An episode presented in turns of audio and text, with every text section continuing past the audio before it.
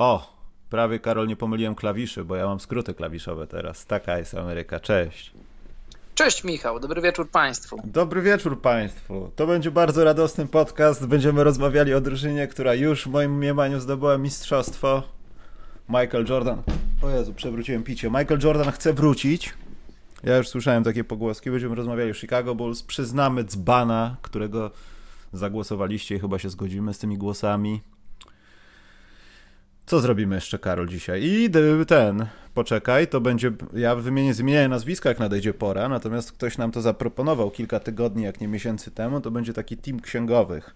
Ja bym bardziej to nazwał team takich, no nie, żeby się nikt nie obraził, bo my z Karolem Ludzi, też... którzy, sorry, że ci przerywam, no. ludzi, którzy dobrze wyglądają w garniturach, bym powiedział. Aha, ja bardziej myślałem team takich lamusów wojskowych, no ale ty to lepiej opisałeś w słowach, bardzo mi się to podoba.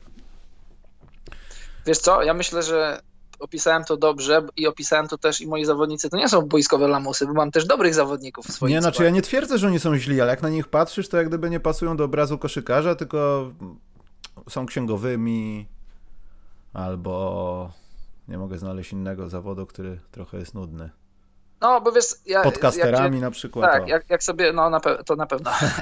jak sobie robiłem ten skład, to sobie pomyślałem, że co wezmę tych różnych tam Oliwierów, Bronkowów, Satorańskich, jakichś Bertansów i to nie będzie Pierwsze 3-4 to może będą nawet i fajne, śmieszne, ale później to już się zrobi nudne, bo wezmę chudych białasów, którzy. Tak, którzy, właśnie tak, zgadzam się.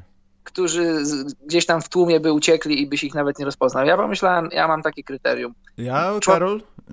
Y, człowiek, który dobrze wygląda w garniturze i by się sprawdził na stanowisku takiego jakiegoś tam powiedzmy, w jakimś tam menedżmencie, w jakiejś tam księgowości, czymś takim, gdzie się pracuje z garniturem, w garniturze codziennie.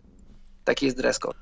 O, bo tu się pojawiły jakieś y, słuchacze na czacie. Jest opcja taka, że nie wykonałem jeszcze wysyłek, ale już spakowałem to, ponieważ czekam na więcej nazwisk. Jakby dzisiaj był Bartku, to byłoby cudownie, to bym wysłał wszystko jak gdyby z naszej strony. Także chyba dam tej policji, że co nam jeździ po mieście, że zachowajcie spokój, zostańcie w domach, znajdźcie Bartku i dajcie mi jego adres. To ja bym to dograł. Dajcie Bartku, a znajdziemy na niego paragraf. Dokładnie, albo nie dostanie wlepek i przejdą. Yy, coś ja chciałem rzec. Ja właśnie, Karol, pierwszą osobą, żeby właśnie nie pomyśleć tym szablonie, mi wpadła do głowy yy, właśnie to jest czarnoskóry zawodnik i on kompletnie nie wygląda na tego lamusa w garniturze. Rozumiesz? Bardzo dobrze. Właśnie tak stwierdziłem, że tych białych takich, no i co, że będziemy się śmiać, że to on biały jest, od razu jest księgowym i jest gorszy Właśnie, od tego niebiałego. No to nie cieszę się, że, że podobnie pomyślałeś. Yy, dobrze, ale Karol, wiesz co, zawieźmy się na, newsik, nie, na newsikach. Wśród nich gwoździem newsików będzie oczywiście Chicago Bulls, bo w końcu coś się stało w Chicago. Ja jestem w końcu z tego zadowolony. Znaczy, ja mam masę pytań. Bardzo dużo mam A i pytań. żadnych odpowiedzi. Nie, trochę odpowiedzi mam i to o dziwo to są odpowiedzi, które mnie cieszą. Bo nie spodziewałem się jednej rzeczy, która wyszła kilka godzin temu, ale to taka może bardziej obietnica, ale ale y, Karol, najpierw o takiego innego koszykarza, co grał w Chicago, bo już niedługo jest ten super serial The Last Dance. Karol, mhm. mieliśmy o tym porozmawiać. O, poczekaj, znalazł się. Czyli znaleźli go na mieście na tych szczekaczkach. Mówiłem. Bartku, napisz jeszcze raz w takim razie na ten adres, bo ja nie mam tego po prostu. Dziękuję. Yy... E, czekaj, bo ja się naprawdę zaczytałem znowu jakieś pytanie. To potem odpowiem, Krzysiek. E, czy Karol, nasze oczekiwania dalej są takie, że hypujemy się i czekamy na to, co tam się stanie, bo już się pojawiła wypowiedź Michaela Jordana, że dużo osób e, dzięki temu dokumentowi zmieni na ten temat, na jego temat zdanie i przez, przeważnie to będzie takie bardzo złe zdanie, że wypadł ze złej strony. Tak, dalej hypujemy. Tak? Tak, wiesz co? Bo wiesz co, ja nie chciałbym, Karol, przepraszam, ja nie chciałbym chyba doczekać, że ten obraz Michaela Jordana jeszcze bardziej się, po, się porozpęka. W sensie bycie tym skurczybykiem, który cię ciśnie, zależy mu tylko na jednym. Taki Kobi tylko razy tysiąc. Jakby to Słuchaj, przywołać. Y, nie, w twoich na pewno nie, w moich też nie, nic się nie zmieni o oczach y, postrzegania Jordana. Jordan jako człowiek, znaczy nie znam go jako człowiek, nie mogę się wypowiadać, no ale mamy, mamy strzępy, mamy próbkę tego. Jakim prawdopodobnie człowiekiem był jako koszykarz, czy może nadal jest, pewnie już nie, ale jako, jako, jako człowiek, jako koszykarz w czasach, kiedy grał NBA, jaki był Michael Jordan. I to nie był, i to nie był super kolega, z którym pojedziesz, y, nie wiem gdzie, do sklepu zrobić zakupy. To był człowiek, który miał obsesję na temat wygrywania, obsesję na temat doskonałości, obsesję na temat, yy, zobacz, jak się rozmawiało z Jordanem, znaczy ja nie rozmawiałem, ale słuchałem wywiadów, czytałem wywiadów. Jak to nie rozmawiałeś? A, widzisz. A! To już jest tak, już rozmawiałem z Jordanem. Za, za, każdym razem pada słowo, za każdym, bardzo często pada słowo challenge. I to wiesz, na każdym kroku wystarczyło, że Jordan był jak, jak, jak sucha ściółka w lesie, w którym 40 dni nie padało. Wystarczyło iskra, żeby go rozpalić. I, i, I takim był człowiekiem i prawdopodobnie, nieprawdopodobnie, na pewno dzięki temu odniósł sukces w sporcie. Dlatego też Kobi odniósł sukces w sporcie i ogólnie zawodowi sportowcy, jakich poznasz prywatnie, to, to, to, nie są ludzie tacy, że oni są tacy do rany przyłóż. No to są, często to są skurczybyki, żeby nie powiedzieć gorzej. I ja też nie, ja się nie mogę doczekać na ten dokument i prawdopodobnie, najprawdopodobniej niewiele się zmieni w moim postrzeganiu Jordana jako koszykarza, jako postaci, jako człowieka. Człowieka na tyle, na ile mogę go poznać, nie znając go aż tak bardzo osobiście. I, a y, jeszcze raz pytasz o ten materiał. No ja uważam, y, chyba teraz to już jest potwierdzone, że to są materiały, które nigdy wcześniej nie były, nie były upubliczniane i ESPN zapewne nie robiłby, nie decydował się robić dokument, gdyby mieli materiały w 80% takie, które świat już widział. Więc tak, nie mogę się doczekać. Nie mam konta na Netflixie, ale, ale założę sobie specjalnie po to. Karol, to pytanie miałem już długo, już na, podczas naszej rozmowy ostatniej, kilka tygodni temu na temat tego dokumentu. Gdyby Karol zrobić tak, że taki to przewrotne jest trochę, ale ja chyba nie potrafiłbym wybrać. Masz Karol wybór. No. Że nikt nie ogląda tego dokumentu na świecie, mhm. ale ty masz jedyną kopię meczu w Monte Carlo. Co byś wybrał? Znaczy, co byś wybrał? Jak nie oglądasz kopii, to dajesz innym ludziom oglądać ten dokument, a jak nie, oglądasz sam mecz z Monte Carlo na tym jedynym mitycznym, jednym z trzech podobno VHS-ów. Tak, czy, ale czy pytasz, czy. No bo to prosta rzecz. Ale i czy ja też wtedy wchodzę w to i nie oglądam dokumentu o Jordanie? Cały świat nie ogląda. Tego doku, ten Cały dokument jest, ale jakby go nie było. Jakby go nie było. Coś jak pomoc rządu teraz nasza. E, e, słuchaj, no to tak jak powiedziałem na początku, ten film najprawdopodobniej pokaże i to będzie fascynujące. Rzeczy, których nie widzieliśmy. Na 100% pokaże rzeczy, których nie widzieliśmy. Czy rzuci inne światło na Jordana jako postać? Niektórym pewnie tak, mi tobie nie. I ludzie, którzy znają się na NBA, znają się na postaci Jordana, niewiele zmieni. Jakieś tam detale poznasz.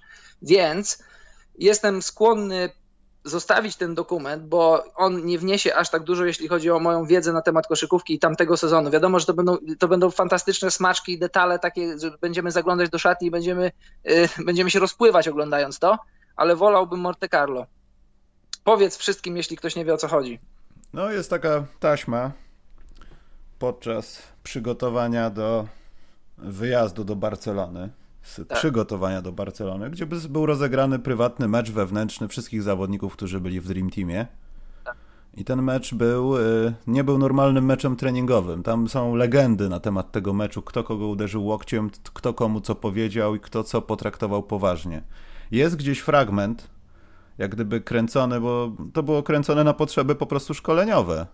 Tak. Ale taśma została szybko schowana, tak jak niegdyś taśmy LeBrona Jamesa i chyba Crawford, Jordan Crawford tak, chyba dał Jordan nad nim Crawford, set. Tak, tak. I Nike zakopało taśmę niby, że no to LeBron nie może dostać czegoś takiego. E, I z tej samej pozycji to był w zasadzie taki bardzo czysto szkoleniowy mecz. Jest kawałek gdzieś tam w internecie, jakieś 20-30 sekund i potęgowanie napięcia, co to był za mecz i ktoś ma VHS, ale nikt nikomu nie pożyczył, nie skopiował i tak dalej.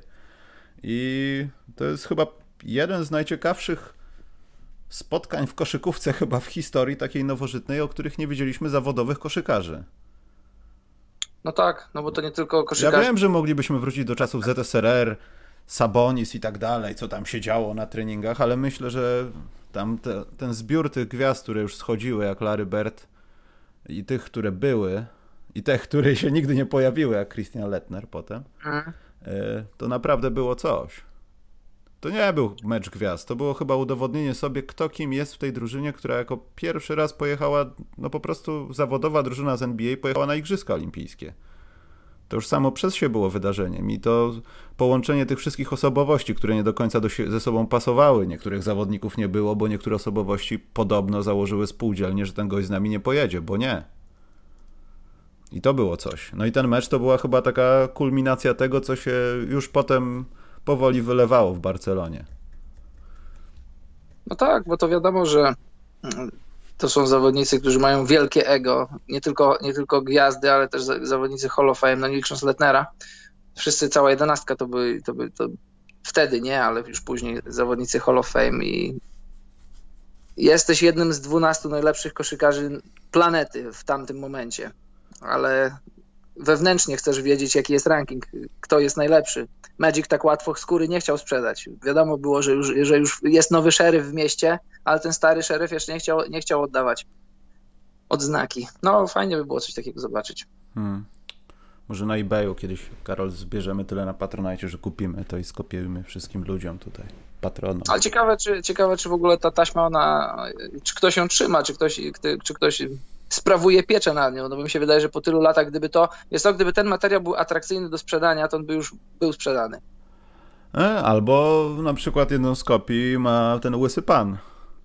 A, może. I on nigdy tego nie sprzeda. Poza tym ja sobie dam rękę odciąć, że to już ktoś kiedyś zdigitalizował, ponieważ yy, myślę, że praktycznie jestem pewien, że żywotność takiej kasety, no chyba, że trzymasz ją w jakichś próżniowych, laboratoryjnych warunkach, no jest ograniczona. Tak. kilkadziesiąt lat i chyba ten pasek się, nie wiem, czy to się rozmagnetyzowuje, czy co coś tam się z tym dzieje, no. Ale ten, to, to coś, nośnik tego całego obrazu, no, to nie jest niezniszczalne i można zostawić to tak na półce i po prostu to się utlenia i do widzenia jest. Także to też jest ciekawe, ale jestem pewien, że ktoś to na pewno ma. To nie może być tak, że takie rzeczy, Karol, znikają. No ale nic to. O Chicago Bulls, Karol. Bardzo dobre rzeczy. Ja jestem pod, podniecony. Słowo, jestem. No? Jedno słowo tak mi się skojarzyło. Może kiedyś w odpowiednim czasie, jak, jak taśmy prawdy, ktoś będzie miał interes w tym, żeby to upublicznić, ten film. No, ale z drugiej strony to już by chyba coś było na rzeczy przez tyle, tyle lat, gdyby to się miało stać. To nic nie jest na rzecz. A może w tym dokumencie to będzie bonus footage. Może. Dobrze, Bulls, Karol. Ja jestem bardzo zadowolony.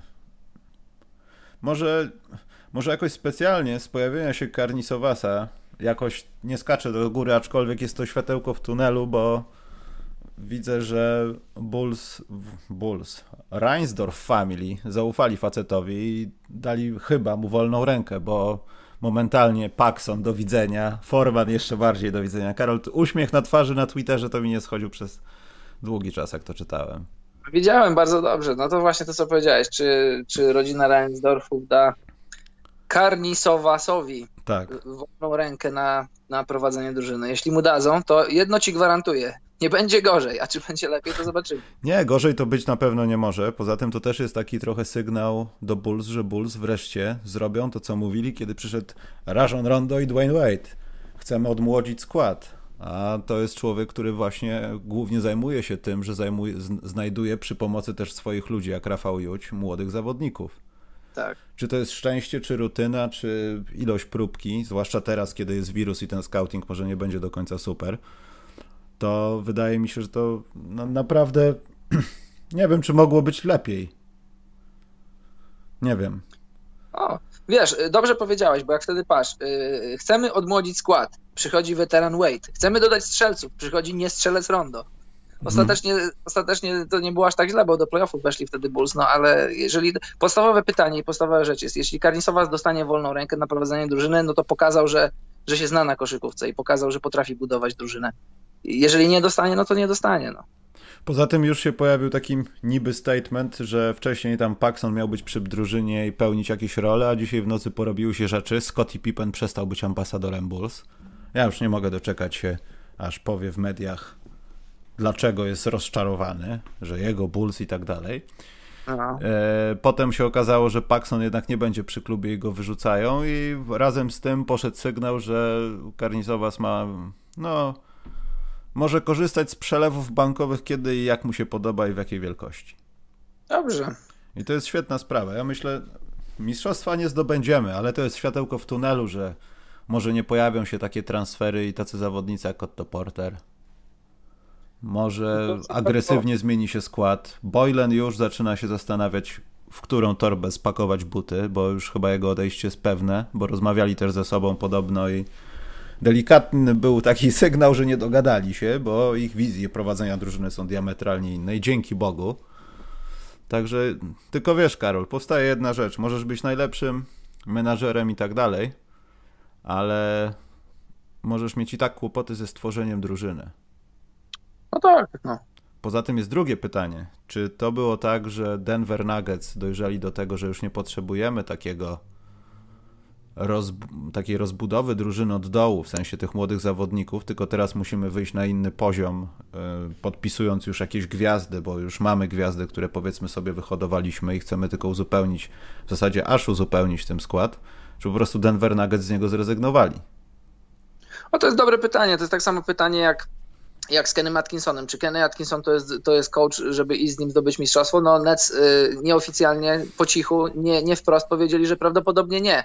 Więc pytanie, czy Karnisowas to jest GM, żeby stworzyć drużynę y, młodą, słabą, która najpierw się rozwija, a, a B wchodzi do playoffów, a C zdobyć mistrzostwo, to może już nie on. I pytanie, czy, czy Nuggets to uznali, y, tak stwierdzili i puścili go, czy być może on zażądał czegoś, czego Nuggets mu nie chcieli dać, czy może kierunek, w jakim drużyna szła w tym sezonie, no znaczy nie odbyły się playoffy jeszcze, no, jeszcze nie oceniajmy Nuggets, bo jak zdobędą tytuł, no to się okaże, że wszystko było dobrze. No ale to wiesz, nie, nie, nie znamy szczegółów jego odchodzenia z Denver i, i nie znamy szczegółów jego, wiesz, jego ambicji w zawodzie. Wiadomo, że ambicją, jak jesteś GM-em, jak, jest, jak budujesz drużynę, to chcesz zdobyć, zrobić drużynę na, na tytuł. Tak. Po owocach go poznamy. E, no ale budowanie front office idzie pełną parą. Już tam zatrudniono asystenta GM-a, gościa z Pelicans. Rozmowy na temat GM-a trwają. Ja trochę trzymam kciuki za. Boże, Karol, zapomniałem nazwiska. Z Los Angeles Clippers. Kto? Kandydat niby. Bo A kim jest Clippers? Yy, Boże, też zastępcą chyba? Czy nie zastępcą? Sam, Mark Hughes. O, Mark Hughes. Okej. Okay. I wydaje mi się, że to, to jest dobra osoba, ale rozmawiają z wieloma osobami. To nawet jak się nie uda, to jest miłe, bo w końcu coś się dzieje i to jest bardzo w porządku. Natomiast jestem pewien, że Chicago po prostu imploduje. W sensie te złe kontrakty odejdą i Zaklawin już nie będzie płakał. Pięknie, Karol, niech tylko się skończy pandemia. Nie mogę się doczekać. Jeśli on ma takie podejście do Bulls jak ja, to na pewno będzie dobrze. To mi się no, podoba. tak jak powiedziałem, gorzej być nie może, to ci gwarantuję. Nie, jeszcze no może być, może być Team Floydera, nie? Oj, nie sądzę. Wiesz co, przydałoby się, żeby jeszcze Chicago zatrudniło mikrofon kierunkowy Randy'ego Browna. Mhm, tak, bo liczba donosicieli musi się zgadzać. Mikrofon kierunkowy. mikrofon kierunkowy. Ja, ja jestem, na, ja jestem na, na, na, na świeżo teraz, bo wczoraj skończyłem oglądać Zmienników, wszystkie odcinki. A. Przeszedłeś tą drogę, Karol. Dobrze. To co teraz, Karol? Przyznajemy złotego dzbana pierwszego kwartału, czy dajemy team księgowych? Nie no, przyznajemy już, miejmy za sobą te, nie? A Karola może przyz przyznał jakiegoś drugiego kwartału, bo ja właśnie tutaj mam problem, bo mieliśmy, ja mieliśmy pierwszego kandydata już. Jakiego? No ktoś to był, już nie pamiętam. Ktoś już napoczął nowy, nowe naliczanie. Nie, chyba tego nie liczyliśmy, Karol. A nie policjanci przypadkiem? A mówiliśmy o tych policjantach? Właśnie chyba nie mówiliśmy. I to nie o policjantach, tylko o tym z imienia i nazwiska nawet można. A co? Przypomnij mi, bo nie pamiętam. No z y, smażalnia. Co pan zamawiał? Tak, tak. No to to chyba było już naszym pierwszym. Było już? Właśnie nie było już. Nie było jeszcze? Nie, myśmy wewnętrznie... A co więcej trzeba? A co więcej trzeba, żeby to weszło? nie, ale ja nie wiem, bo to w sumie też nie jego wina jest. A o, czyja to jest wina? No tych, co kazali mu to robić, a że on się wczuł. Bo na przykład, nie wiem, Karol, czy widziałeś materiał z panią Zofią Klepacką Tak, o też, też, też, to już jest. Miałem masę pytań, ale to jest też jakiś zwyczaj, strzelanie fajerwerkami, także może się nie pierwsze, śmiejemy z tego, Karol. Pierwsze słyszę. Dobrze, najpierw przyznajmy dzbana. Dobrze, powiedz mi, kto wygra, bo ja nie, nie wiem, bo, bo zrobiłeś taką ankietę, która była tajna Inaczej się nie dało zrobić, bo ja też nie mogłem podglądać wyników do momentu zakończenia, nawet jako zakładający. Więc y, jakby byliśmy w tym samym miejscu, Karol. No ale Dobrze. mamy upset. Czyli? Ponieważ nie wygrywa najwyżej rozstawiony. A kto był najwyżej rozstawiony tak w ogóle? Pan Rola? Rola był z jedynką. No to nie wygrał. Wygrał pan z dwójką. O, widzisz. Mhm. Głosów było ponad 100. Ksiądz Gus wygrał 60 do 64-38. A co, powiem wynik. Dobrze, no to to. Czyli takie 4-1 można powiedzieć. Tak. I ksiądz Gus przechodzi dalej. Ciekawe będą. Na przykład Final Four będzie ciekawe tego. No. Tutaj widzicie na ekranie jest wszystko. Także pierwszy kwartał zamknęliśmy. Dziękujemy za oddanie głosów. Nie wiem, czy wrzucać screenshot, żebyście mi wierzyli, ale tak jest. Wrzucić jak chcesz. Nie chcę mi Nie się wiem, go czy wi- teraz robić w zasadzie, ale... Nie wiem, nie wiem, czy widziałeś, wysłałem ci dzisiaj e, artykuł z Gazety Wyborczej Lublin. Ksiądz Wierzbicki, z którym miałem zajęcia na kulu, nazwał, nazwał durniem kogoś kto, kogoś, kto głosi, że podczas mszy nie można zakazić się koronawirusem. Ale zareagował arcybiskup i przywołał go. Zbanowali go? Księdza Wierzbickiego. Miałem zajęcia z księdzem Wierzbickim, bardzo, bardzo inteligentny człowiek. Czekaj, Otwarty umysł. Opiszę to, pierwszy kwartał. To co, chcemy przyznać już za drugi kwartał, Karol? Niekoniecznie, ale możemy mieć. To pozbierajmy, mieć- bo wiesz co, bo ja też się tak Pamięci. zastanawiam. Nie, bo teraz jest taki okres bareizmów w ogóle w internecie. bardzo. Na przykład z banem dla mnie jest ten gość, który pofrunął sam samochodem stary przez rondo. Bardzo, bardzo. Wylądował jeszcze na posesji kościoła do tego. Ludzie jacyś wyliczyli, jak wysoko leciał. Stary, on, wy... on koła były na wysokości tej kamery na latarni. Aż tak. On chyba nie zasłabł. Chociaż nie znam całej historii, ale ogólnie rzecz biorąc, ciężko takiego ronda nie zauważyć, a jeszcze ciężej jest pofrunąć tak do góry z takiego ronda. Już w ogóle nie hamujesz, to znaczy. To, to jest nawet nagroda Darwina jakaś. Jeśli ten gość nie zasłabł, ani nic mu nie było, no to podziwiam. Dobrze, to Ktoś- no. Ktoś, pisze, na- ktoś pisze na czacie, że zagłosował na obu, ale w jaki sposób? Jak zagłosowałeś raz i potem już ankieta jest niedostępna? E, z komórki na przykład, bo to A, jest inny no IP. dobra. To szybka, szybka odpowiedź. Mm. Tak mi się wydaje, no bo ja też próbowałem wejść Tak, po, tak, tak, po, tak. po oddaniu przeze mnie głosu również. Yy... Zasłab podobno. A, to nie, to nie śmieję się. Tak, zasłabł, to sorry. Nie wiedziałem. Ja widziałem tylko samochód i widziałem materiał jakiegoś, nie pamiętam, kogoś z YouTube'a, gościa, co się para motoryzacją na YouTubie i że oprzedł to rondo dookoła, bo to jest tam niedaleko jego domu i pokazał, jak to wyglądało. No i tam są No dobrze, no, ale normalne latarnie, to jest, wszystko. no, czy to jest potwierdzone i, i udowodnione, że zasłał? Bo, bo wiesz, jak za, ja nigdy nie zasłałem, znaczy zasłałem, może zasnąłem za kierownicą, nie zasłałem, ale e, Finał ten sam, nie? finał ten sam. E, Czy to nie jest tak, że jak y, słabniesz, to nie dodajesz gazu, a tutaj ewidentnie ktoś dodawał gazu? Nie wiem, Karol, ciężko byłoby mi zasłabnąć, a jednocześnie sprawdzać, czy dodawałem gazu. Nie wiem. A nieważne. Może tak być, no. Ale nie, jak ktoś Nie było... oceniajmy człowieka. Ja to sobie właśnie pomyślałem teraz o moim wypadku. Jakby ktoś to nagrywał, też by powiedział, że idiota. A co idiota? No przecież nie chciałem wjechać w ten. Karol po prostu sprawdzał ten... Bezpieczeństwo małych japońskich samochodów. I mogło mnie by już tu nie być od 13 lat. Na przykład. Zważywszy, że nagrywamy od trzech. No ale chodźmy, Karol, dalej. Mówię tu, na tym Wiem, no śmieję się, no, żebyś tak poetycko nie przechodził do teamu księgowych. Ja mam, Karol, taki, że nie będziemy teraz wrzucać tych składów, tylko wrzucimy to w komentarzach na, na YouTubie albo na Facebooku potem, Dobrze. żeby się nie kręcić, jak już nie powiem co. Eee, To damy tutaj. I ogólnie to, pardon, ale poczekaj, to trzeba wspomnieć, bo to Karol Jóźwiak nam zasugerował to. Mhm. I tu nawet podał kil- kilka nazwisk i te kilka nazwisk jest nawet yy, w mojej, w moim zespole, chociaż z Karolem mamy trochę więcej niż 12 i trenera, bo ja mam trenera, Karol też. O proszę, dobrze. Mam Trenera tej komandy. No dobrze, to poczekaj, to ja sobie tylko tutaj to wyświetlę i możemy jechać z tym koksem, jak mówił Len Bias. Dobrze. No. Tak. To wie o co chodzi, ten wie o co chodzi. Słuchaj, ja powiedziałem od początku, ja nie chciałem różnych tam takich satorańskich bronkowów, jakichś bertansów, żeby nie było, że biorę chudych białasów. Już I... powiedziałem swoją definicję. Ja, Karol, nawet mam tak wybranych dwóch zawodników, że samo ich nazwisko na wizytówce tego biura księgowego sprawia, że chcesz być u tego księgowego. A oni niekoniecznie wyglądają jak księgowi. Wiem o co chodzi. Ale nie chodzi o takich księgowych, co przychodzą i łamią ci nogi baseballem, tylko takich, wiesz, co ci liczą faktury, nie? Żebyśmy mieli to ustalone, jak gdyby. Tak. Dobrze, no to ja rozpoczynam swój skład od Kevina Love. Kevin Love?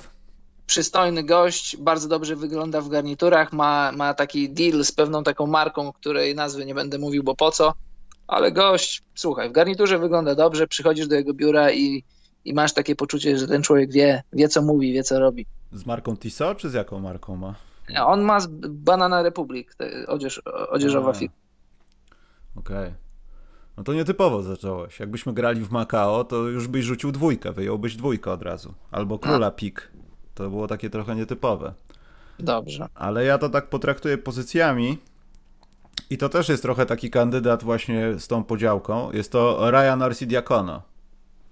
Mam, dalej. On jest trochę, wygląda jak księgowy mafii, jednocześnie może być księgowym w twoim samorządzie szkolnym. Umie się wysłowić, przekląć, broń nosi, ale miły chłopak, wie co to liczydła, komputery padną. Ja, ja oddaję na niego głos. I on ma, no on ma super nazwisko, bo bierzesz jego wizytówkę i myślisz sobie, że to jest to jest gość, który w tej branży robi od pokoleń, bo tam jego rodzina, już pradziad był jakimś tam kimś, prawnikiem czy kimś. Wymuszał?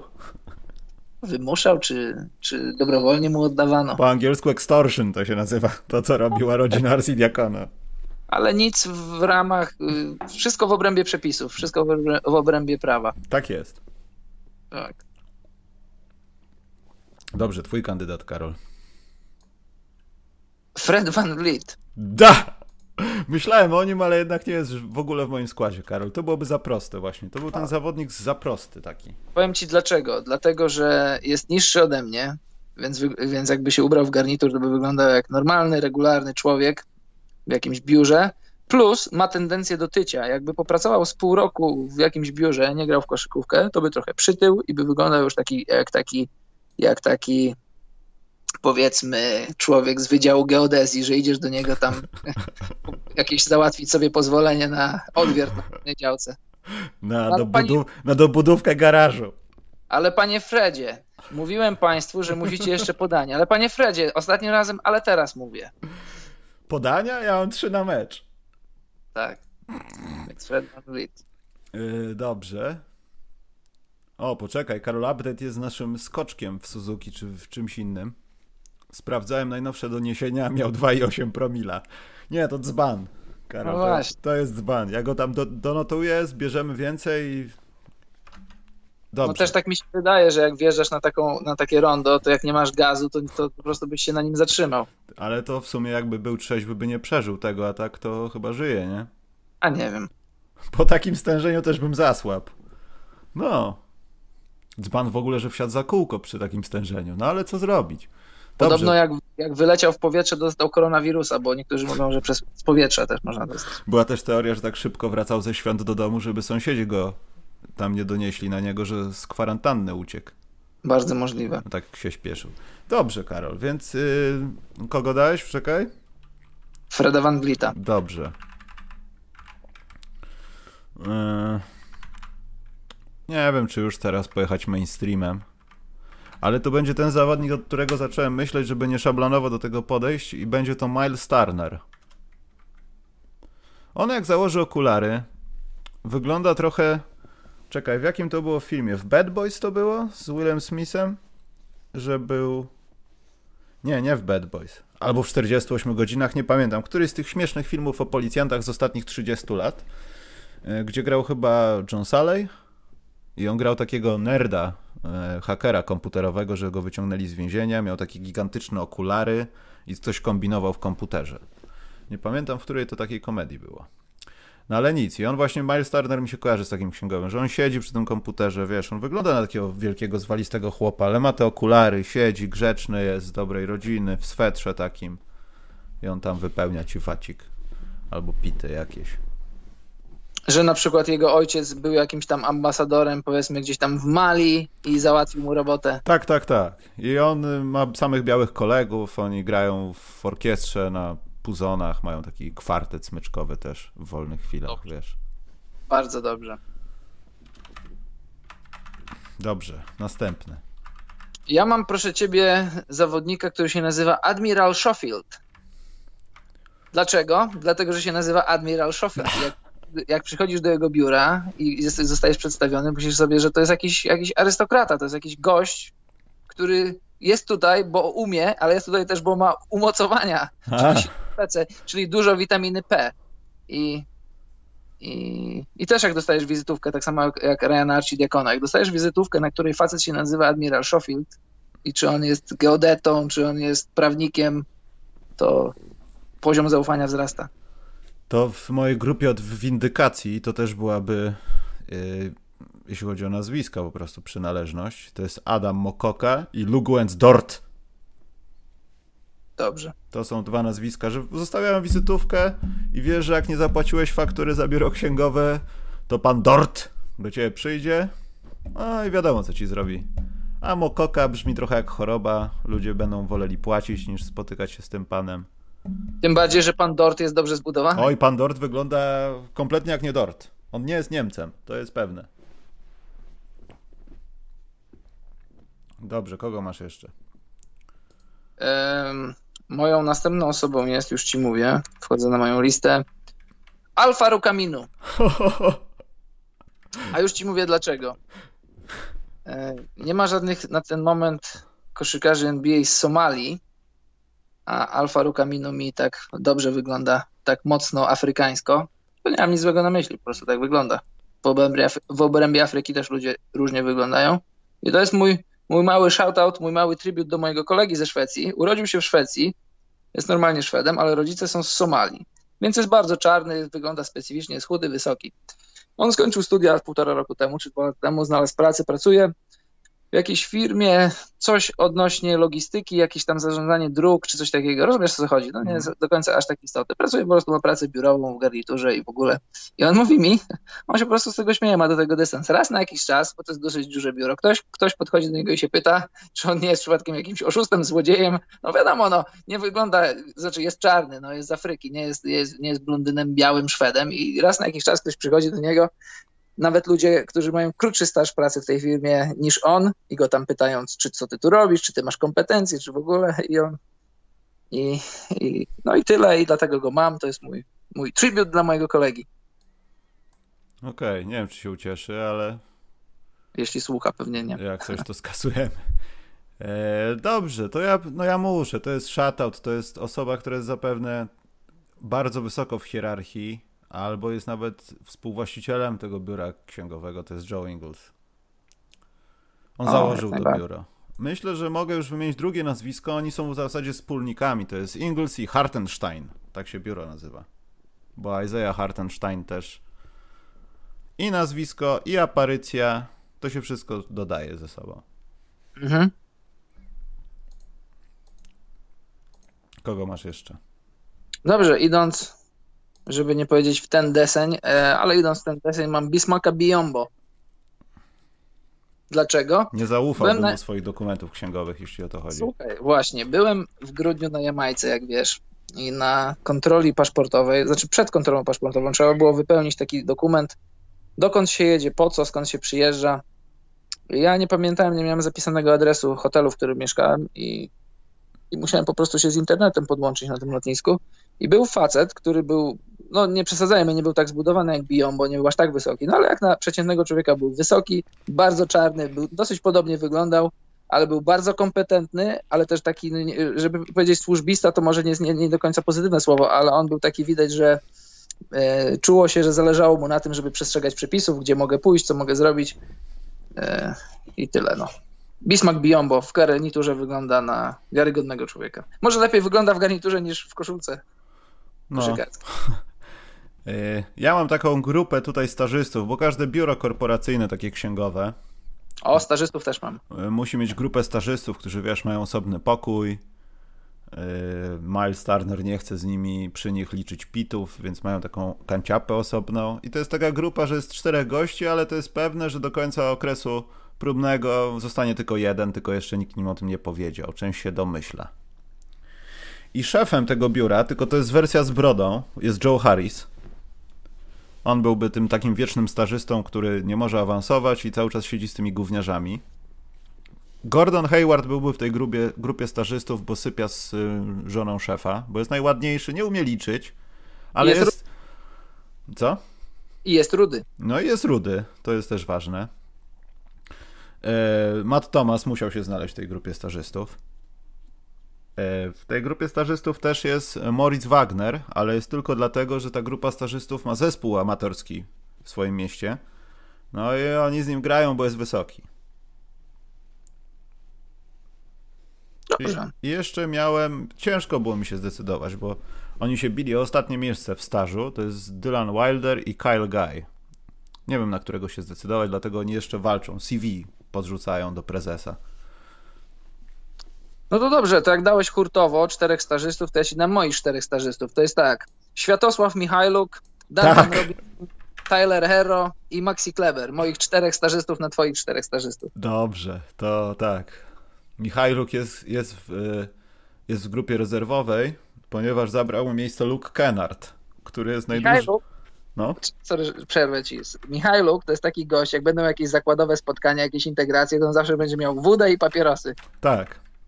Nie, właśnie Michajluk tak, może Wuda tak, ale na przykład Luke Kennard to on zawsze jest przygotowany na wszystkie wyjazdy integracyjne, bo nie awansował w tym biurze księgowym od 30 lat, ale jeździ na każdy i wiesz, non stop pali papierosy, śmierdzi od niego kosmicznie nikotyną, zawsze się uchlewa na tych wyjazdach i radzi stażystom i oni nie powinni słuchać jego rad. Tak wygląda Luke Kennard w tym biurze tak, księgowym.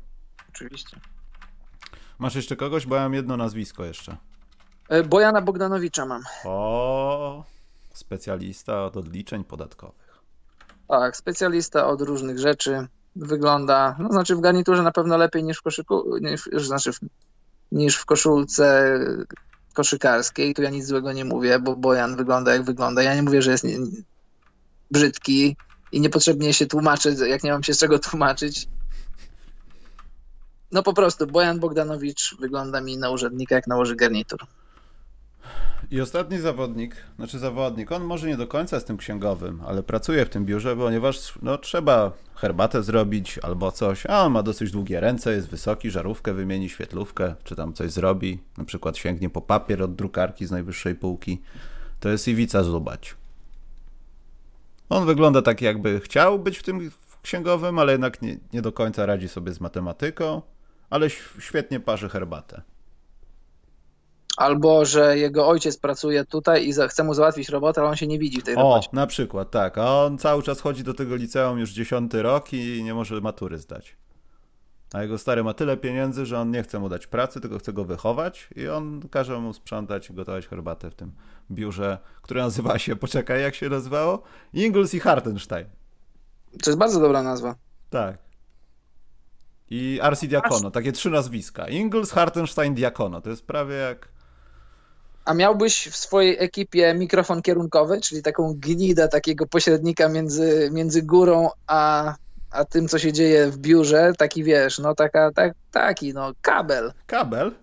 No. Myślę, że kablem automatycznie zostałby nominowany Arsi, Arsi Diakono, bo on tak co do władzy by się układał.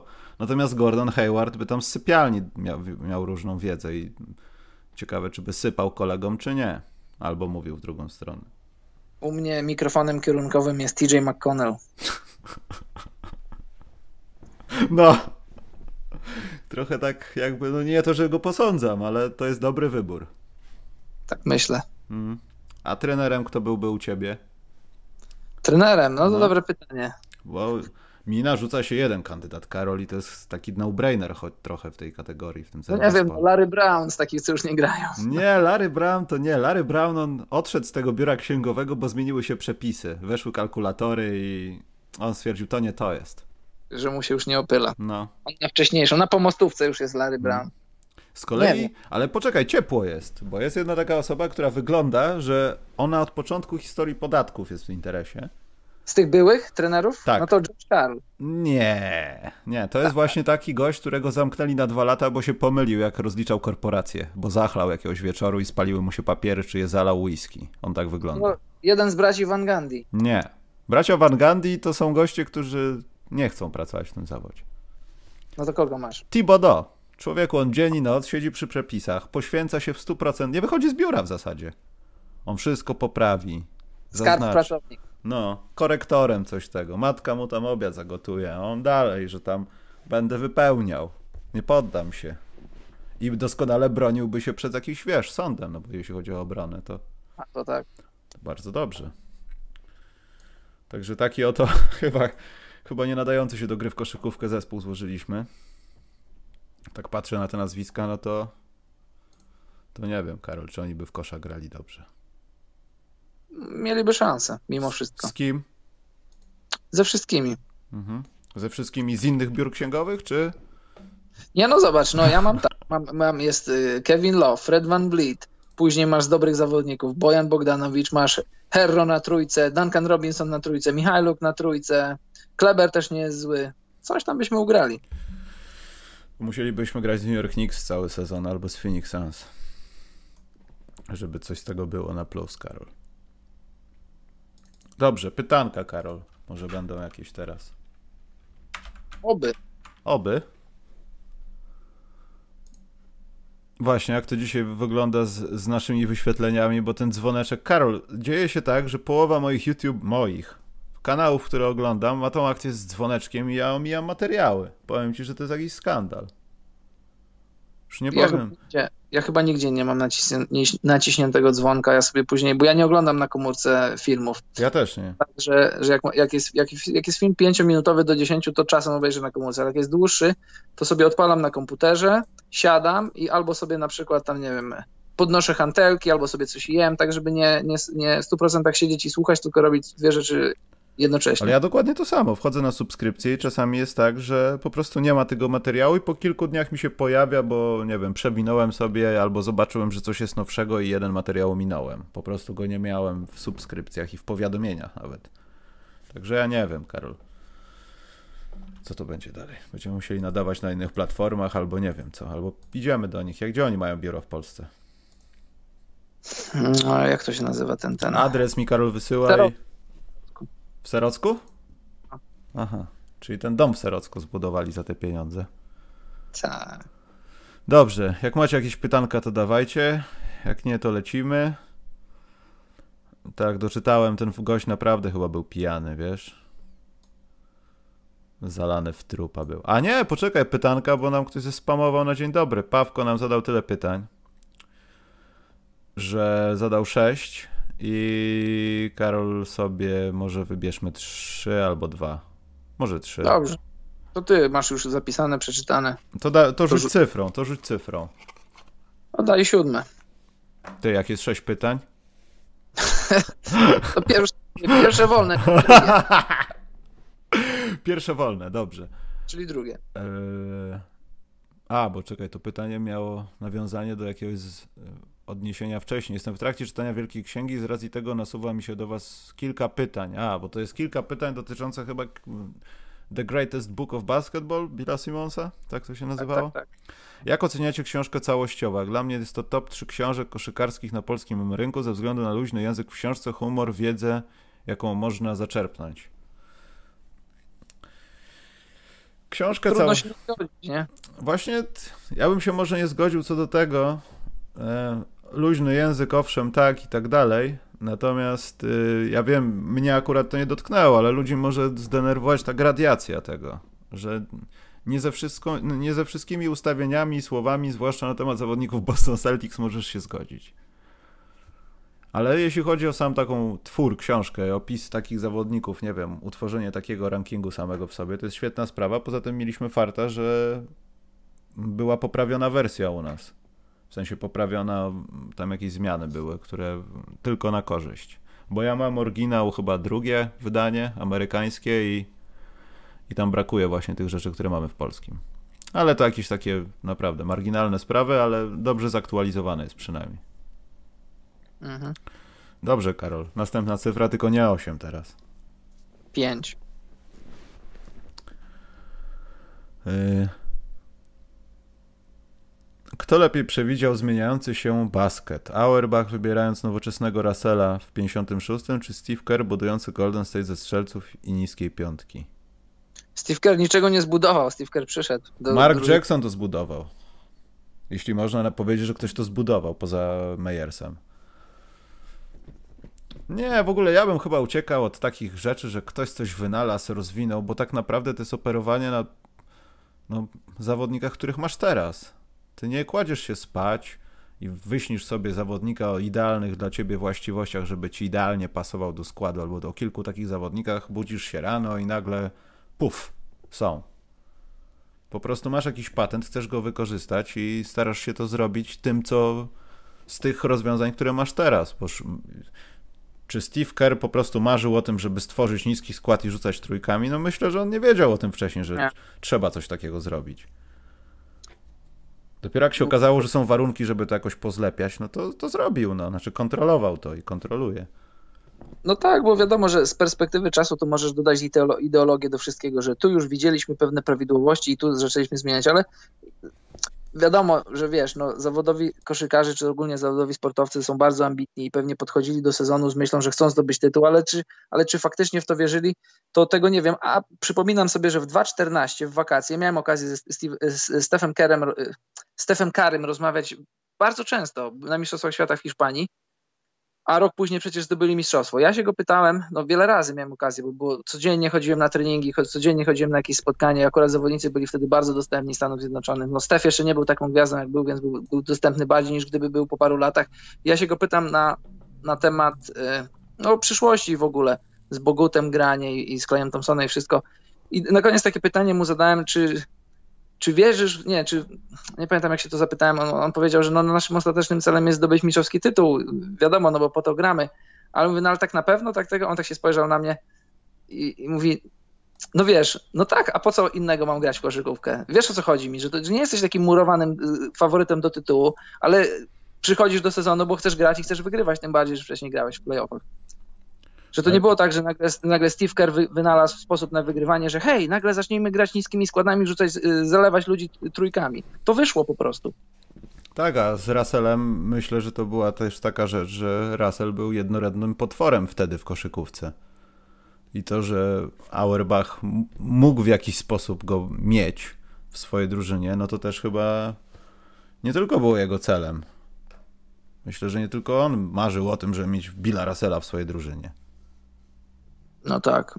A też wiadomo, wiesz, odnośnie Reda Auerbacha, to nie można nie można oceniać człowieka, który już był w podeszłym wieku i nawet u schyłku nie kariery, a życia, ale jak się spojrzy na decyzyjność Reda Auerbacha kilka lat przed śmiercią i w ogóle w ostatnich latach, w których jeszcze miał coś do powiedzenia w Celtics, no to trochę nabruździł. Ja nie, nie, nie mówię, że. Znaczy, ja nic, nic nie chcę mówić, no ale takie są fakty, że, że nie wiem, czy on już był, czy nie miał już tego swojego nosa, czy już po prostu tak fizycznie, biologicznie był stary, no ale miał sporo decyzji, które były wątpliwe sportowo. No ale też zgódźmy się, że elementy współczesnego spacingu, żeby rozrzucać piłkę po obwodzie, którego jeszcze nie było, to nie tylko był element tamtejszej koszykówki z tamtych czasów, to też było to, co Red Auerbach pokazywał w swoich drużynach to dzielenie się piłką i tak dalej. No myślę, że nie byłoby Auerbacha nigdy, by go skreślić w ogóle z historii Ziemi, to byłby ktoś inny, no ale on to robił.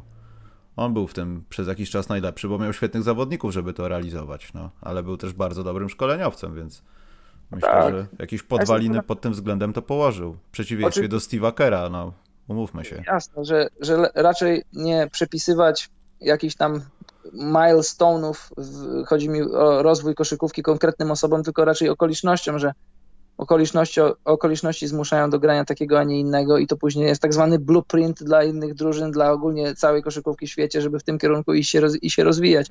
Bardziej niż czyjaś tam y, geniuszowska wizja, to jest raczej no, dobry moment na, na to, żeby coś grać. Poczekaj, jeszcze będzie pytanie od Pawka, ale pamiętam, że Krzysztof pytał o coś. I przewinąłem jego pytanie. Jak ja nienawidzę tego czasu. Czatu, Boże. To wiesz co? A, jest. Y, Krzysztof Sycz pytał, panowie czytaliście może biografię Rodmana? Ja wiem, że Karol, ty chyba na to odpowiedziałeś. Mhm. Ale ja nie potrafię przeczytać żadnej innej książki o Denisie Rod Rodmanie jak Zły do szpiku kości. W sensie polskie tłumaczenie. Bad to the bone, czy jakoś tak było? Ale to były dwie chyba, bo pierwsza to była ta e, taka gra słów Bad ass I wanna be, coś takiego. Tak, a, to... a nie, Don't be a menace chyba tamta była druga. A druga właśnie chyba tak, no. Tak mi się wydaje i jakoś tak, nie wiem. Jak siedział, na, siedział na motorze, to w Polsce była tak już dawno. Pamiętam, że kupiłem chyba, znaczy no nie kupiłem, rodzice mi kupili w, to chyba jeszcze w podstawówce jak byliśmy. No mi się podarła, pierwszy, pierwszy egzemplarz się podarł jak Rodman był w Polsce, bo chciałem mieć autograf na nim, a udało się stracić okładkę. Ale autograf i tak dostałem. O widzisz. No, tylko na plakacie. Wtedy Converse pamiętał, chyba sponsorował ten jego wyjazd. Weekend był w Warszawie i udało się tam wejść. Był chyba w jakimś sklepie przy Unii Lubelskiej, tam był sklep właśnie Conversa chyba sam. Słuchaj, y, pamiętasz, był taki zespół no. polski, muzyczny, rockowy i Mazowsze. on się nazywa też, ale tu mi akurat chodzi jakiś Rowan czy Rowan i oni nazwali, wydali płytę i tą płytę nazwali Denis Rodman, ale Denis przez jedno N. Aha, to nie wiem. Czekaj, zaraz. Fun fact, zaraz sprawdzę, czy mam rację. Znaczy mam rację, tylko nie pamiętam dokładnie, jak się nazywam. Tutaj pytanie jest takie znikąd od Łukasza Choleckiego. Czy Jerger czy Atkinson pasuje do byków na czas odbudowy pod batutą Karnisowasa? E, no ja brał Atkinsona. A tutaj, znaczy, myślę, że wszystko jedno. No wiadomo, do Atkinsona robiłbym pierwsze podejście, ale jakby się pojawił Jerger, to bym się też jakoś nie martwił specjalnie ale słowo pod batutą Karnisowasa. Ja myślę, że to nie będzie pod batutą, tylko to będzie wybieranie ludzi, którzy chcą iść tym samym prądem i rozumieją to. I wydaje mi się, że Atkinson po tym, co miał w Nets, on to rozumie. Że ta drużyna nie będzie od początku grała, że połowa składu prawdopodobnie poleci i nikt nie będzie na to patrzył, że to jest Zach Lawin, czy to jest Otto Porter i co robiliście wcześniej. Nie, po prostu pakujcie się i do domu. I myślę, że ten trener będzie musiał też to rozumieć. Bo Jim Boylan by nie wytrzymał. To jest pewne. Poza tym y, jest też taka rzecz, że Karnisowa stara się, żeby no, znaczna część ludzi z Denver, w tym też może Rafał Juć, dołączyli do niego w tym składzie, bo dział scoutingowy Bulls, jeśli chodzi o nie tylko europejskie rynki, co no w ogóle draftowy, no można powiedzieć, że praktycznie nie istnieje. Są tam ludzie, oni coś tam rozpoznają, ale to nie jest ten poziom, który myślę Karnisowas by oczekiwał, więc to też jest ciekawe, czy cały sztab ten taki przyboczny ze skautami, ze wszystkimi ludźmi z Denver od A do Z będzie razem z Bulls w nim, albo w większym takim, nie wiem, kształcie. Dobrze. Jedno pytanie od Pawko i tutaj jeszcze jest jakieś od kogoś.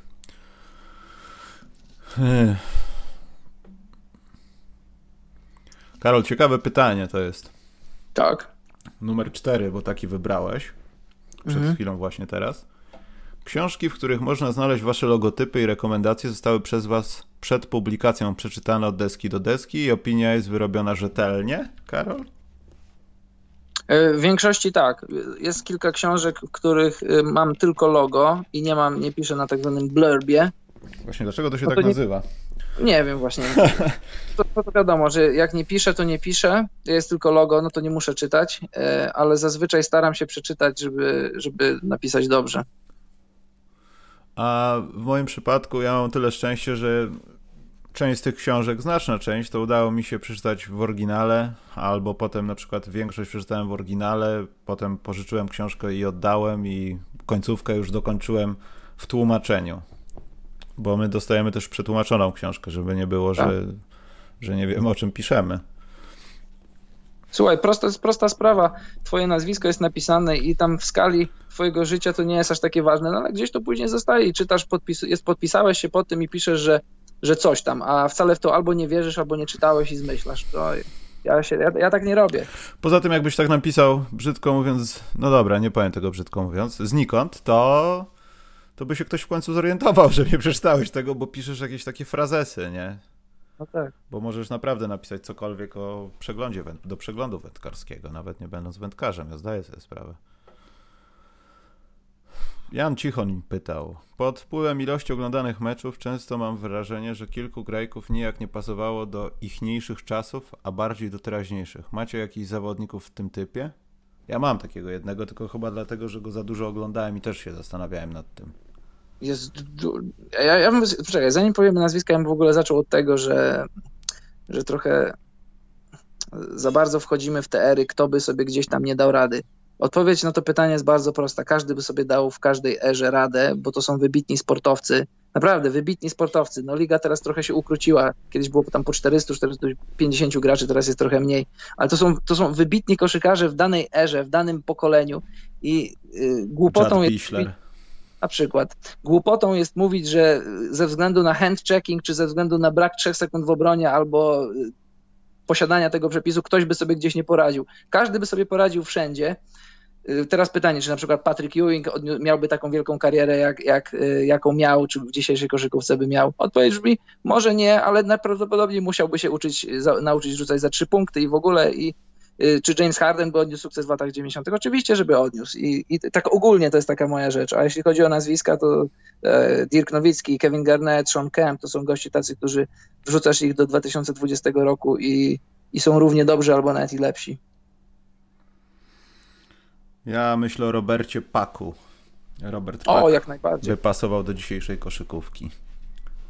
Trzeba było go trochę bardziej wyeksploatować za trzy punkty, ale to jak on śmigał, był taki skoczny bardzo, trochę atletyczny, mocno zbudowany w jakimś tam części początku swojej kariery, bo mu się stopniowo pojawiały te mięśnie. To naprawdę myślę, że to byłby gość, który by pasował. O. Woli Szczerbiak. Woli Szczerbiak. Ray Allen, już żeby nie grzebać tak nisko, to jest, jest wielu zawodników, którzy trochę, nawet nie trochę, bardzo wyprzedzali swoją erę. No, Sydney Moncrief. Wyobrażasz sobie Sydneya Moncriefa? Kiedyś go dużo oglądałem. On teraz by grał świetnie w kosza. Naprawdę ja świetnie by... by grał w kosza. W jakimś Golden State. Ja bym go widział z jakimś takim Klejem Thompsonem, jak oni by tam sobie rzucali trujeczki. Monta Ellis. Może to trochę za, za świeży typ, ale jakby go przenieść o 10 lat do przodu. Słuchaj, ja bym powiedział nawet, y, nawet bym powiedział Steve Nash. Też w sumie historia no starsza, ale też nie aż taka super stara. Przesunąć go o, no skończył karierę kiedy w 2, 13 czy 14 czy 15. Przesunąć go raptem o, o 5-10 lat i on już jest gościem, który o wiele więcej rzuca, gra w szybszym tempie, to by była, to, to Steve Nash w tej koszykówce by się czuł jak, jak jak, to ja, ja Karol mam odważniejszą. Bardziej... w źródlanej wodzie. Ja mam coś odważniejszego. No. Czy Kevin Durant była, byłby tak dobry, gdyby grał może nie w tej samej drużynie, ale nazwijmy to albo w tej samej konferencji, albo w dywizji, żeby częściej się ze sobą stykać, z Alanem Houstonem w swoim prime. Jeśli chodzi o rzuty z, z rogu. Z nim czy przeciwko niemu? Przeciwko niemu. Alan Houston to jest właśnie takie kłopotliwe nazwisko wśród tych zawodników, że byli świetni, może trochę otarli się o status supergwiazdy. Pamiętamy te okresy New York Knicks w ogóle. Ach, piękne. To były te czasy, kiedy trochę lubiłem New York Knicks. Ja też. Ja Alan też. Houston, taki, taki... był Larry no. Johnson, był. To było. Charlie Ward, tak, Chris Charles. Tak, tak. Charles tak, Oakley. Tak, mhm, tak, tak, tak. Ja to widzę. I wydaje mi się, że Alan Houston w dzisiejszej koszykówce mógłby trochę być takim, może nie tyle co Durantem, no bo może byłby faktycznie gorszym koszykarzem, ale myślę, że robiłby niewiele mniej rzeczy od niego, jeśli chodzi o ofensywę. Myślisz? No. Jest to, myślę, że on dużo, dużo, dużo zyskiwał na tym, że często był izolowany, a że miał dobry rzut i jak na rzucającego obrońcę miał dobre gabaryty, to to potrafił zdobywać punkty. W dzisiejszej koszykówce znaczy też nie mam wątpliwości, żeby się odnalazł, czy, czy aż tak dobry by był. O, można pogadać. Może ktoś jeszcze. Nie potrafię sobie wymyśleć. Ja bym chciał. Alan Iverson w dzisiejszej koszykówce, Karol? No, ciężko, ciężko. Zobacz, z takim spacingiem i w taki sposób, jak teraz się broni, no to Iverson tańczący z piłką i robiący przewagi dla siebie, no to wiesz, no same podwojenia by go niszczyły. Hmm. W ogóle ukierunkowywana obrona, no wiesz, obrona strefowa, tam nie było obrony strefowej. Jedziesz z gościem jeden na jednego, jak tworzysz przewagę, to podajesz, jak nie tworzysz, to punktujesz, bo jesteś szybki. ale w ogóle ten wolumen rzutów oddawanych i jego skuteczności, to, to było w dzisiejszej koszykówce to by szybko obnażane by było. Czy, Karol, czy... poczekaj, dostaliśmy A? donka od Łukasza, dwie dyszki, dzięki, na przesyłki różne takie, bo prawie zagadałeś, Karol, musiałem powiedzieć. No dobrze, czy miałby na tyle inteligencji, żeby się zmienić trochę do dzisiejszych czasów? nie mówię, że nie, ale tego nie wiem. Tak jak wtedy, wiesz, co pytałem Jordana, Jordan powiedziałby, jestem przekonany, że zrobiłbym swoje adjustments. Czy Iverson by je zrobił, tego nie wiem. Bo z tych takich, gdyby na przykład odwrócić to pytanie i zrobić coś takiego, że z tych takich zawodników z dzisiaj ich tak wepchnąć do lat 90., to ja najchętniej bym chciał zobaczyć, zaraz będzie pytanie a propos bujek, tam też była ciekawa z tą osobą, Charles Barkley w latach 90. z Zajonkiem. Mhm. Zion byłby jeszcze lepszy niż mógłby być teraz, albo będzie teraz w dzisiejszej koszykówce. Tam przy tamtych, no powiedzmy, powiedzmy luźnych lejcach, jeśli chodzi o niektóre zachowania w przepisach, naprawdę Zion mógłby dużo robić na boisku. Bardzo dużo. A z kolei Barkley w dzisiejszej koszykówce to by był, to by był miód na twoje i na moje oczy. Człowieku, o. jak nie grało się small ballu, Barkley, dzisiaj grający na piątce, czwórka, piątka, biegający z piłką, rzucający za trzy punkty, walący wsady na wszystkim. Barclay w dzisiejszych czasach to by był y, Westbrook 2.0, bo silniejszy, wyższy, y, bardziej taki nieprzyjazny, chociaż Westbrook też jest nieprzyjazny. Ja Barclay by uwielbiał dzisiejsze czasy. Ostatnie takie nazwisko przyszło mi do głowy, ale już z wtedy do dziś, Derek Coleman. O, na przykład. Jakby mu, e, pod warunkiem, że chciałby mu się grać, bo wtedy przecież też przychodził jako wielki talent, którym był, ale trochę mu się grać nie chciało. No i kłopoty ze zdrowiem, ale też trochę na własne życzenie, no bo to chyba wzięte z wagi to wszystko było i przez to, że trochę był zapuszczony. Ale wydaje mi się, że jeśli chodzi o te walory jego w ogóle koszykarskie, ofensywa jak najbardziej. Dzisiaj by tylko po prostu rzucał, no. Glenn Robinson na przykład, ha! Mógłby zapomnieć o winie Bakerze, jakby mógł pograć dzisiejszą koszykówkę. Tak. Dobra, Karol, e, jedno pytanie tutaj jest odpowiedziane. Mm, to będzie chyba ostatnie pytanie. Czy to normalne, że jesteś gwiazdą NBA i nie masz boiska czy pół boiska w swojej posiadłości? Pieje do tego, że bodaj Tatum mówił, że nie miał styczności z piłką od momentu zawieszenia ligi. Bartku pytał i to chyba Antek mówił. Nie wiem, czy Tatum też, ale Antetokounmpo wspominał o tym. Nie wiem, nie chce mi się w to szczerze mówiąc wierzyć. A wiesz co, to jest, to jest proste pytanie, bo e, to znaczy proste, no nie jest aż tak bardzo proste, ale jest dosyć proste. Są zawodnicy, którzy już mają swój ugruntowany status w NBA i grają już parę lat. Trzeba też pamiętać, jaka jest struktura wypłat. Dostajesz pieniądze co dwa tygodnie. Wiadomo, że to są wielkie wypłaty. No ale to nie są też wypłaty jakieś wielomilionowe, tylko to są zazwyczaj tam dziesiątki tysięcy, setki tysięcy, no wiadomo, zależy od kontraktu. Jeżeli jesteś takim zawodnikiem, to, to nie jest pierwsza rzecz, o której myślisz, że a, zbuduję sobie boisko. No tylko kupujesz sobie, no tam w skali potrzeb, masz listę potrzeb, mieszkanie, samochód, nie wiem, co, co, co tam jeszcze, obdzielasz rodzinę i tak dalej. Boisko nie jest top 3, top 5 rzeczy, które chcesz sobie zbudować. Ale Karol, masz ja taką wiem. kosmiczną ilość pieniędzy, jest pandemia, okej, okay, nie wychodzisz z domu, ale wchodzisz na eBay, kupujesz za 20 tysięcy dolarów rozkładane boisko i rzucasz, jak naprawdę nie masz boiska. Na no podjeździe no tak. w garażu, Karol. To jasne, więc ja nie, nie, nie sądzę, że, że tutaj Tate mówi, że, że nie dotykał piłki, nie rzucał, tylko pewnie mu chodzi o takie normalne warunki, bo wątpię w to, żeby, tak jak mówisz, za parę tysięcy dolarów kupić sobie taki dosyć profesjonalny kosz i mieć go w garażu, tylko chodzi mi o to, że tak, takie no boisko. Ostatnio nawet, nie wiem, słuchałem jakiegoś podcastu, czy czytałem wywiad z, z Bradleyem Billem, też naszym kolegą i on dopiero w zeszłym roku, czy półtora roku temu, jak dostał ten już większy kontrakt, to sobie zbudował boisko przy domu i to też było takie, tam mówili mu, ale po co ci do boisko? Przecież wszędzie jest pełno hal, masz w ogóle hale treningowe, w ogóle. A mówi, no niech będzie, może się przyda. I się w końcu przydało, przecież nikt nie liczy, nikt się nie spodziewa, nikt nie bierze pod uwagę, że nagle jakaś taka pandemia wyjdzie, jak teraz wyszła, że nie będzie można nigdzie pójść.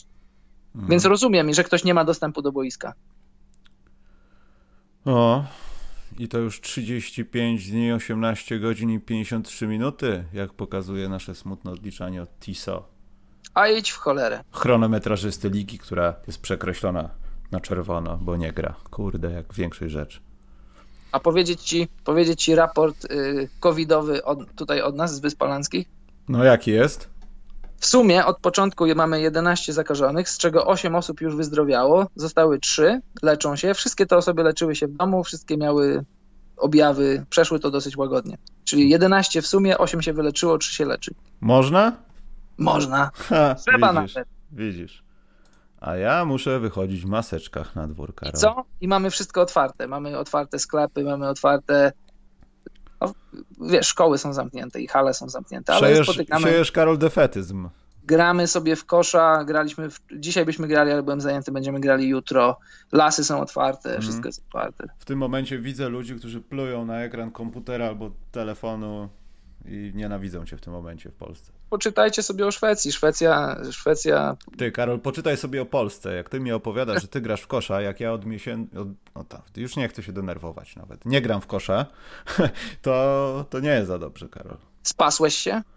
Właśnie nie, bo staram się ćwiczyć w domu. Nie powiem, ma to swoje pozytywne rezultaty, ale z chęcią bym poruszał się po prostu z piłką. Co jakiś czas zaspokajam swoje potrzeby życiowe jadąc do sklepu na rowerze, no ale to jest w jedną stronę fajne, a w drugą stronę już nie fajne, bo masz 8 zgrzewek wody i wyglądasz jak jakbyś o, jakiś wołem był. Mateusz pisze na czacie, Szwecja nie istnieje. Z, Mariu, z Mateuszem po- rozmawialiśmy właśnie w Szwecji o tym, jak to ludzie w Polsce czerpią wiedzę z memów. O, Szwecja nie istnieje, tam to się dzieje to, to i to. To sobie teraz zobaczcie, jak Szwecja nie istnieje. Wiele krajów by tak chciało nie istnieć, jak Szwecja nie istnieje. I tym ciepłym akcentem, Karol, kończymy. A, A co- jedne... No, Co kończymy? co kończymy? No kończymy, bo to już jest za dużo. Ty grasz w kosza, ja muszę w domu siedzieć. To przyjedź, to pogramy. A, no, wyjedź, wyjedź z kraju teraz. Oh, wait. Eee, czekaj, coś chciałem wspomnieć. A nie, to już mówiłem. Dobrze, Karol, to będziemy lecieć. A, ja chciałem się, Karol, pochwalić właśnie, to chciałem powiedzieć, że ja ostatnio w weekend zrobiłem taki próbny live w święta. Chciałem sprawdzić, Mhm. jak nasze opóźnienia działają i posiadając pada, ale zdecydowałem się w trakcie pierwszego spotkania Seattle Supersonics, żeby zagrać klawiaturą, Karol. Udało mi się dać wsad, ale na poziomie, kiedy zwykle ja wygrywam i dostaję dwudziestką, to znaczy, że nie. No da nie, to ja, ja ci mówiłem, że nie. nie da się, po prostu to jest. Moja klawiatura jeszcze i tak jakoś daje radę, jeśli chodzi o przyciskanie dwóch klawiszy naraz, w sensie nie blokuje się, ale nie, Karol, nie, po prostu nie. Podziwiam. Dlatego czekajcie na nasz najbliższy gaming. Zagramy obaj na klawiaturach. NFZ podobno dopłatę da nam do tego streamingu Mhm. za kaleczenie gry. Eee, no co, no to w takim układzie kończymy już na bank. Yy, Słyszymy się pewnie za tydzień. Może w tym tygodniu będzie jeden z odcinkowych podcastów specjalnych, który może się pojawi. Może nie będzie tylko o Bulls, ale będzie o, o takich zawodnikach jak Bison Dele na przykład. Był taki zawodnik. Dili. Dili? No tak się mówiło. Tak? Podobno. A No, ja- Bison, Di- A Bison ja słyszałem właśnie na chyba jednym z meczów tych highlightowych, że Dele A No widzisz, Dele, czy Hero, czy Hero, czy... Czy Maker? No tak. Czekaj, Mateusz Dobosz miał jakąś nominację. A, że Bezos, że jest, jest chyba najbogatszym człowiekiem na Ziemi, a z, z, założył zbiórkę publiczną na pracowników Amazona. No i podobno na pandemii bardzo się dorobił. Znaczy dorobił, już był dorobiony, ale zarabia. W ogóle ci, no, Dopiszę go do listy. Ja nikomu nie zaglądam do kieszeni, ale w ogóle jak, jak słyszysz te, te takie z NBA doniesienia, że właściciele się zastanawiają, co zrobić z tymi takimi pracującymi na akord. No wiesz, ja do niko, nikomu do kieszeni nie zaglądam, ale to mówią miliarderzy i nie mogą tym ludziom zapłacić tam po, nie wiem, po parę tysięcy dolarów, to śmieszne nie jest. To już jest, to już jest żart. No ale tak jest. No. Jakieś tam fundacje jakieś zbierają, weź gościu z lewej kieszeni, z tyłu spodni wyjmij i zapłać tym ludziom. Dobrze, on też będzie dopisany do Złotych Dzbanów. Wybierzemy coś z Karolem na za tydzień. Wymyślimy jakiś temat. Teraz miała być piątka pajaców, Karol, także ja nie wiem. Ale pajaców w sensie, że co, że takie jakieś wieśniaki poza parkietem, że ich Może, takich... może to jest pytanie otwarte. Padło kiedyś hasło, że po y, księgowych mają być pajace. Ja tam wszystkich lubię. Ja też. Nikt dla mnie pajacem w NBA obecnie I nie Karol, y, zawieszamy śmianko z Karola Antonego Townsa do odwołania. Nie, a dlaczego? No Ja, nie, ja wiem, no, zawieszamy, nie, naprawdę. słuchaj, Smutno mi się z szkoda- niego zrobiło. Nie, ja, Dwójka smutno. rodziców chora, z czego mama zmarła. No, Nie, jasne, nie, no, żarty na bok. Szkoda chłopaka, matka mu zmarła. no szkoda go jako człowieka. Ale Dlatego nic... zawieszam śmiankę z niego do odwołania. To pewnie nie potrwa długo, ale zawieszam. Oficjalnie zawieszam.